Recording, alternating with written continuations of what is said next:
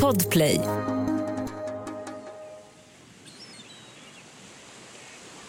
Året är 1813. Vi befinner oss på ön San Barthélemy i Karibien. Solen står högt på en klarblå himmel. Luften är het och fuktig och en doft av saltvatten rullar in från det turkosa havet. Det är en miljö som många skulle beskriva som ett paradis men under den inbjudande ytan döljer sig snarare den raka motsatsen. I viken som leder in till öns stora hamn kommer ett skepp seglandes. När det närmar sig land kan man höra enstaka plågade rop. Jämrandet kommer från bortrövade människor från Västafrika som nu ska säljas vidare för ett liv i fångenskap och straffarbete. Det här skeppet är ett av de sista som på laglig väg tillåts lägga till i hamnstaden Gustavia för att bedriva handel med slavar. Som man kan ana av det svensklingande namnet så är Gustavia och hela ön svenskägt. Och nu ska alltså slavhandeln på San Barthélemy som under decennier har varit en lukrativ verksamhet för Sverige förbjudas efter internationella påtryckningar.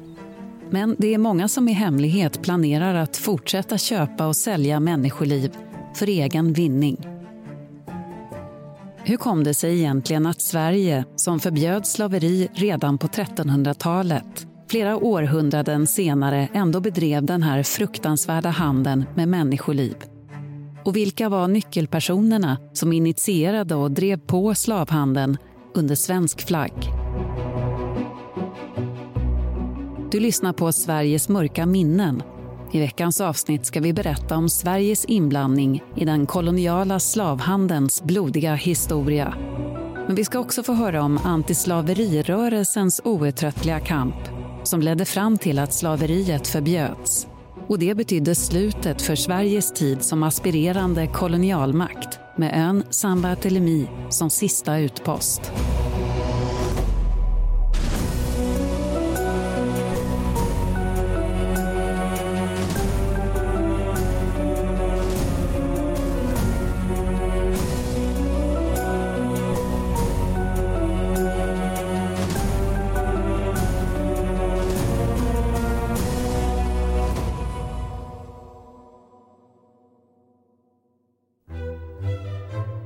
Det är slutet på 1700-talet.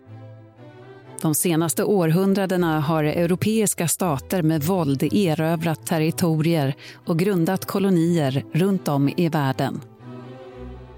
Under den här tiden har slavhandeln också blossat upp. Den har blivit en stor del i uppbyggandet av kolonialmakternas nybildade länder. Under kolonialismens framfart från 1500-talet till 1800-talet skeppas ungefär 10 miljoner slavar från Afrika till europeiska kolonier på andra sidan Atlanten. Främst till Sydamerika, Nordamerika och Västindien. Även Sverige har gjort flera försök att bilda utomeuropeiska kolonier. Förebilderna är bland andra England, Spanien, Frankrike och Nederländerna. År 1650 grundar Sverige kolonin Cabo Corso på den afrikanska västkusten och ger sig samtidigt in i slavhandeln. Men kolonin i Cabo Corso och handeln med slavar blir en kortlivad historia. Konkurrensen bland kolonialmakterna är hög och Sverige får se sig omsprunget gång på gång. Men man vill ändå inte ge upp planerna. Tidigt på våren 1784 ligger Stockholm fortfarande under ett gråvitt täcke av snö.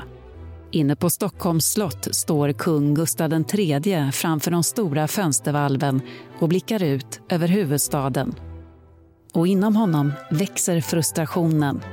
England, Frankrike och Nederländerna har framgångsrikt koloniserat andra världsdelar de senaste århundradena. Men Sverige har inte lyckats hänga med. Ett faktum som kungen har svårt att acceptera. Han vill att Sverige under hans ledning ska bli en stormakt igen. Och så plötsligt får han en idé.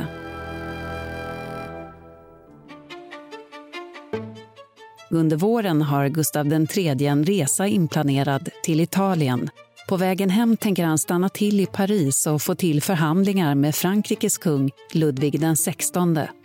Kanske kan det bli lösningen. Frankrike har erövrat flera öar i Västindien och kung Gustav III vill nu försöka köpslå om en av dem. Om han lyckas så skulle Sverige kunna bedriva handel på andra sidan Atlanten och det skulle ge stora ekonomiska vinster. En västindisk koloni skulle också vara en statusmarkör för Sverige. Till Gustav IIIs stora glädje blir förhandlingarna i Paris lyckade. Sverige erbjuds att köpa ön Saint-Barthélemy och i utbyte får Frankrike handelsrättigheter i Göteborg. Den 1 juli 1784 övergår ägarskapet till Sverige. Gustav III är exalterad. Han har lyckats föra Sverige ett steg närmare mot att bli en kolonialmakt. Framtiden ser plötsligt mycket ljus ut, tycker kungen. Men det kommer att visa sig att resan blir långt ifrån spikrak.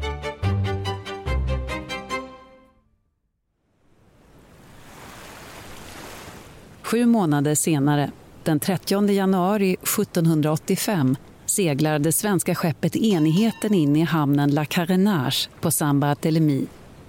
Omgivningen är en stark kontrast mot det mörka och kalla Stockholm som skeppet lämnade för några månader sedan. Här samsas vita stränder och turkost vatten med lummig grönska och en molnfri himmel. Mot den paradisiska backdropen stiger de svenska handelsmännen Jakob Röhl och Adolf Fredrik Hansen i land. Med kungligt stöd är de på plats för att upprätta ett handelshus på ön. Förutom att det utstrålar status och makt så är det största syftet med köpet av kolonin att dra in pengar till den svenska statskassan. Och det är där Jakob Röhl och Adolf Fredrik Hansen kommer in i bilden. Med deras hjälp ska San Barthélemy etableras som en attraktiv plats för handel. Ön har en optimal hamn för det och man ser stora möjligheter till att tjäna bra med pengar på att odla och sälja sockerrör, tobak och bomull. Men det visar sig att ön inte lämpar sig särskilt bra för plantager så Sverige behöver tänka om. Vid den här tiden har de flesta kolonierna i Västindien ett förbud mot utländska skepp i sina hamnar. Därför är tidpunkten optimal för att göra tvärtom och öppna upp sin hamn för alla. Genast görs den svenska ön om till en neutral frihamn. Det här innebär att skepp från olika nationer får lägga till, lagra och sälja vidare sina varor på ön utan att behöva betala tullavgift. Och som varor räknas också slavar. Slaveri och handel med slavar är inget nytt på Samba Telemi. I det här laget, när ön blir svensk, har kolonin 750 invånare 281 av dem är slavar. Snabbt börjar man bygga upp en stad runt hamnen La Carenage. Öns slavar används som arbetskraft när hus byggs och vägar och gator anläggs. Det är ett mödosamt arbete och staden växer fram imponerande snabbt. Den får det svenskklingande namnet Gustavia efter kung Gustav III. Även om slavhandeln inte är det största fokuset så vet man att den är väldigt lukrativ. Och handelsmännen Jakob Röhl och Adolf Fredrik Hansen börjar smida planer. Deras företag, Röhl och Hansen, har fått rättigheter att bedriva slavhandel mellan Afrika och Västindien tillsammans med Svenska Västindiska kompaniet. Planerna är att göra stora vinster genom att hämta människor från Afrika och sälja dem vidare som slavar via Samba Telemi. Efter några års planering skrider Jakob Röhl och Adolf Fredrik Hansen till verket. De införskaffar skeppet Zombie med plats för 150 slavar. På sommaren 1792, några månader efter att Gustav III mördats på en maskeradbal anlitas en erfaren kapten. Skeppet börjar sin seglats över Atlanten. Målet är att byta till sig slavar från den afrikanska kontinenten som ska säljas vidare på Samba Telemi. Men expeditionen blir allt annat än lyckad. Det uppstår myteri och uppror bland besättningen och de tillfångatagna slavarna. så skeppet måste återvända till San Barthélemy med tom last. Den ekonomiska förlusten blir stor, men den tar ändå inte knäcken på Jakob Röhl och Adolf Fredrik Hansen. De ser hur mycket pengar det finns att tjäna och de tänker inte ge upp. Och trots den svåra starten så lyckas Röhl och Hansen under de följande åren bygga upp en blomstrande handel med slavar. Både med egen import från Afrika och via handel mellan San Barthélemy och andra västindiska öar. Adolf Fredrik Hansen bygger en egen slavbyggnad inne i Gustavia. Den fungerar som en slags butik där slavar förvaras och säljs. Här lever slavarna i fångenskap under fruktansvärda förhållanden och många dör innan de kan säljas vidare. Men medan människor lider och köps och säljs som varor på San Barthélemy fylls fickorna på företaget Röhl och Hansen och den svenska staten i rask takt. De låga tullavgifterna i Frihamnen på San Barthélemy lockar köpmän och annat folk från när och fjärran.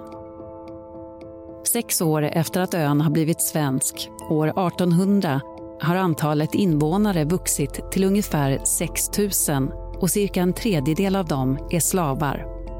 Handeln på ön och ekonomin blomstrar. Samtidigt hemma i Europa har en rörelse blossat upp som protesterar mot slaveriet.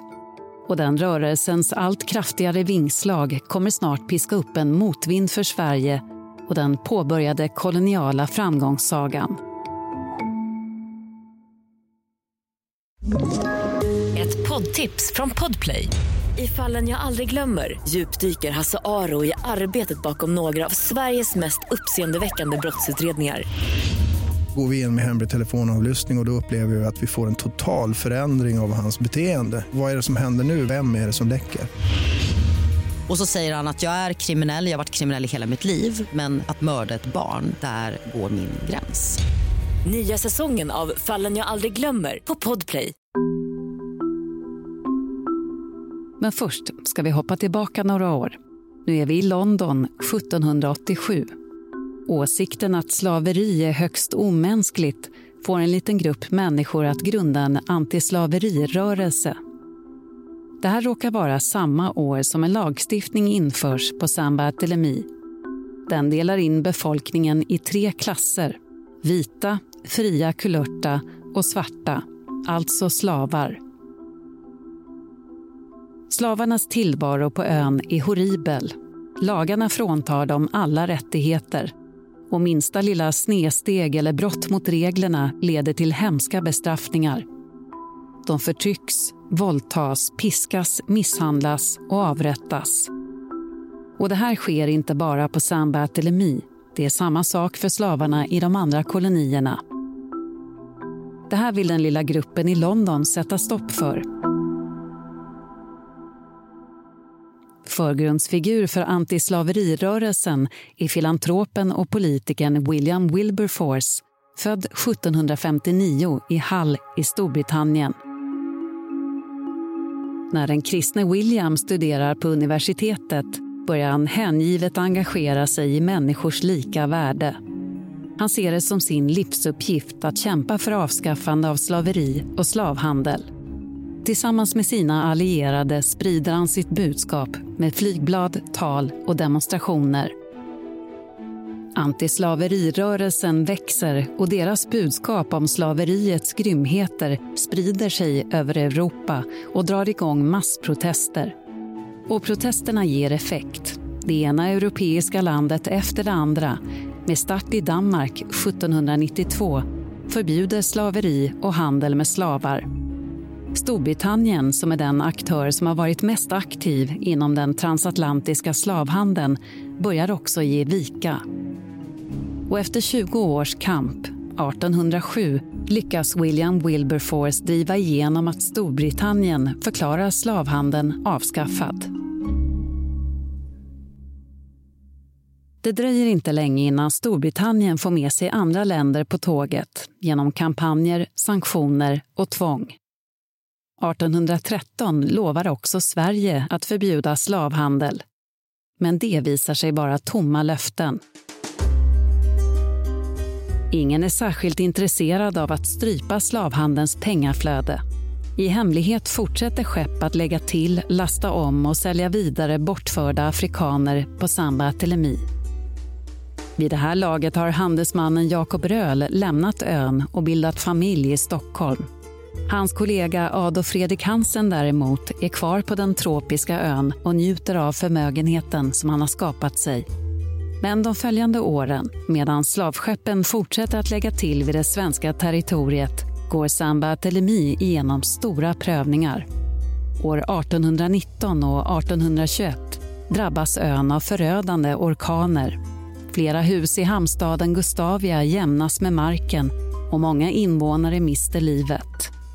Samtidigt fortsätter Storbritannien att sätta press på Sverige att en gång för alla förbjuda slavhandeln. Och år 1830 går till slut Sveriges kung Karl XIV Johan med på att införa en lag som innebär dödsstraff för den som sysslar med slavhandel. Men det ska dröja flera år innan själva slaveriet, inte bara handeln med slavar, förbjuds. När William Wilberforce ligger på sin dödsbädd i London den 27 juli 1833 förbjuds slutligen slaveri inom hela det brittiska imperiet. Nyheten når fram till den döende William och han somnar in tre dagar senare med vetskapen om att han har bidragit till en bättre värld. Efter 1830 minskar San Barthelemis betydelse som frihamn.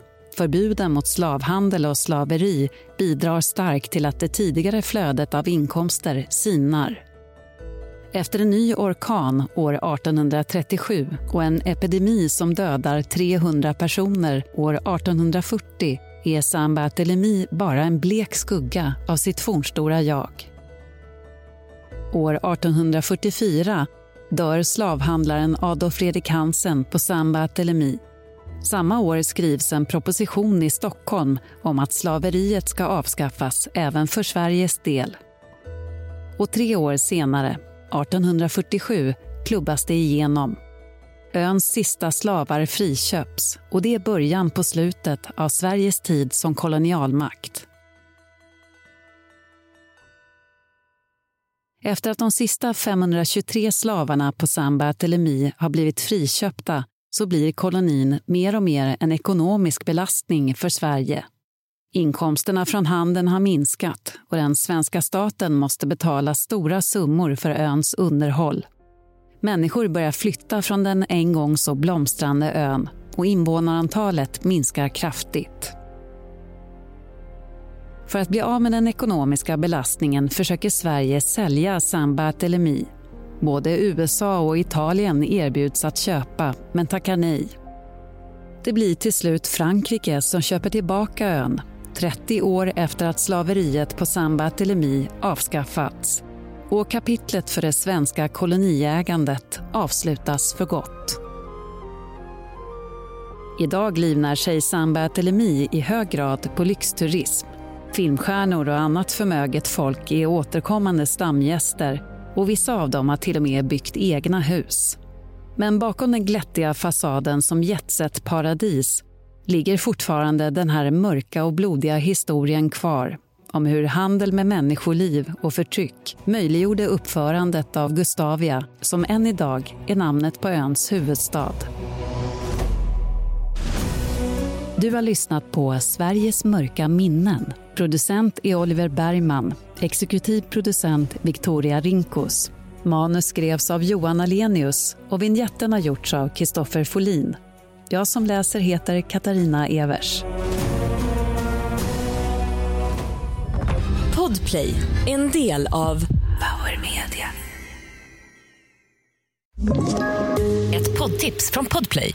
I podden Något Kaiko garanterar östgötarna Brutti och jag, Davva, dig en stor dos skratt. Där följer jag pladask för köttätandet igen. Man är lite som en jävla vampyr. Man har fått lite blodsmak och då måste man ha mer. Udda spaningar, fängslande anekdoter och en och annan arg rant. Jag måste ha mitt kaffe på morgonen för annars är jag ingen trevlig människa. Då är du ingen trevlig människa, punkt. Något Kaiko, hör du på Podplay. Därför är gardinerna.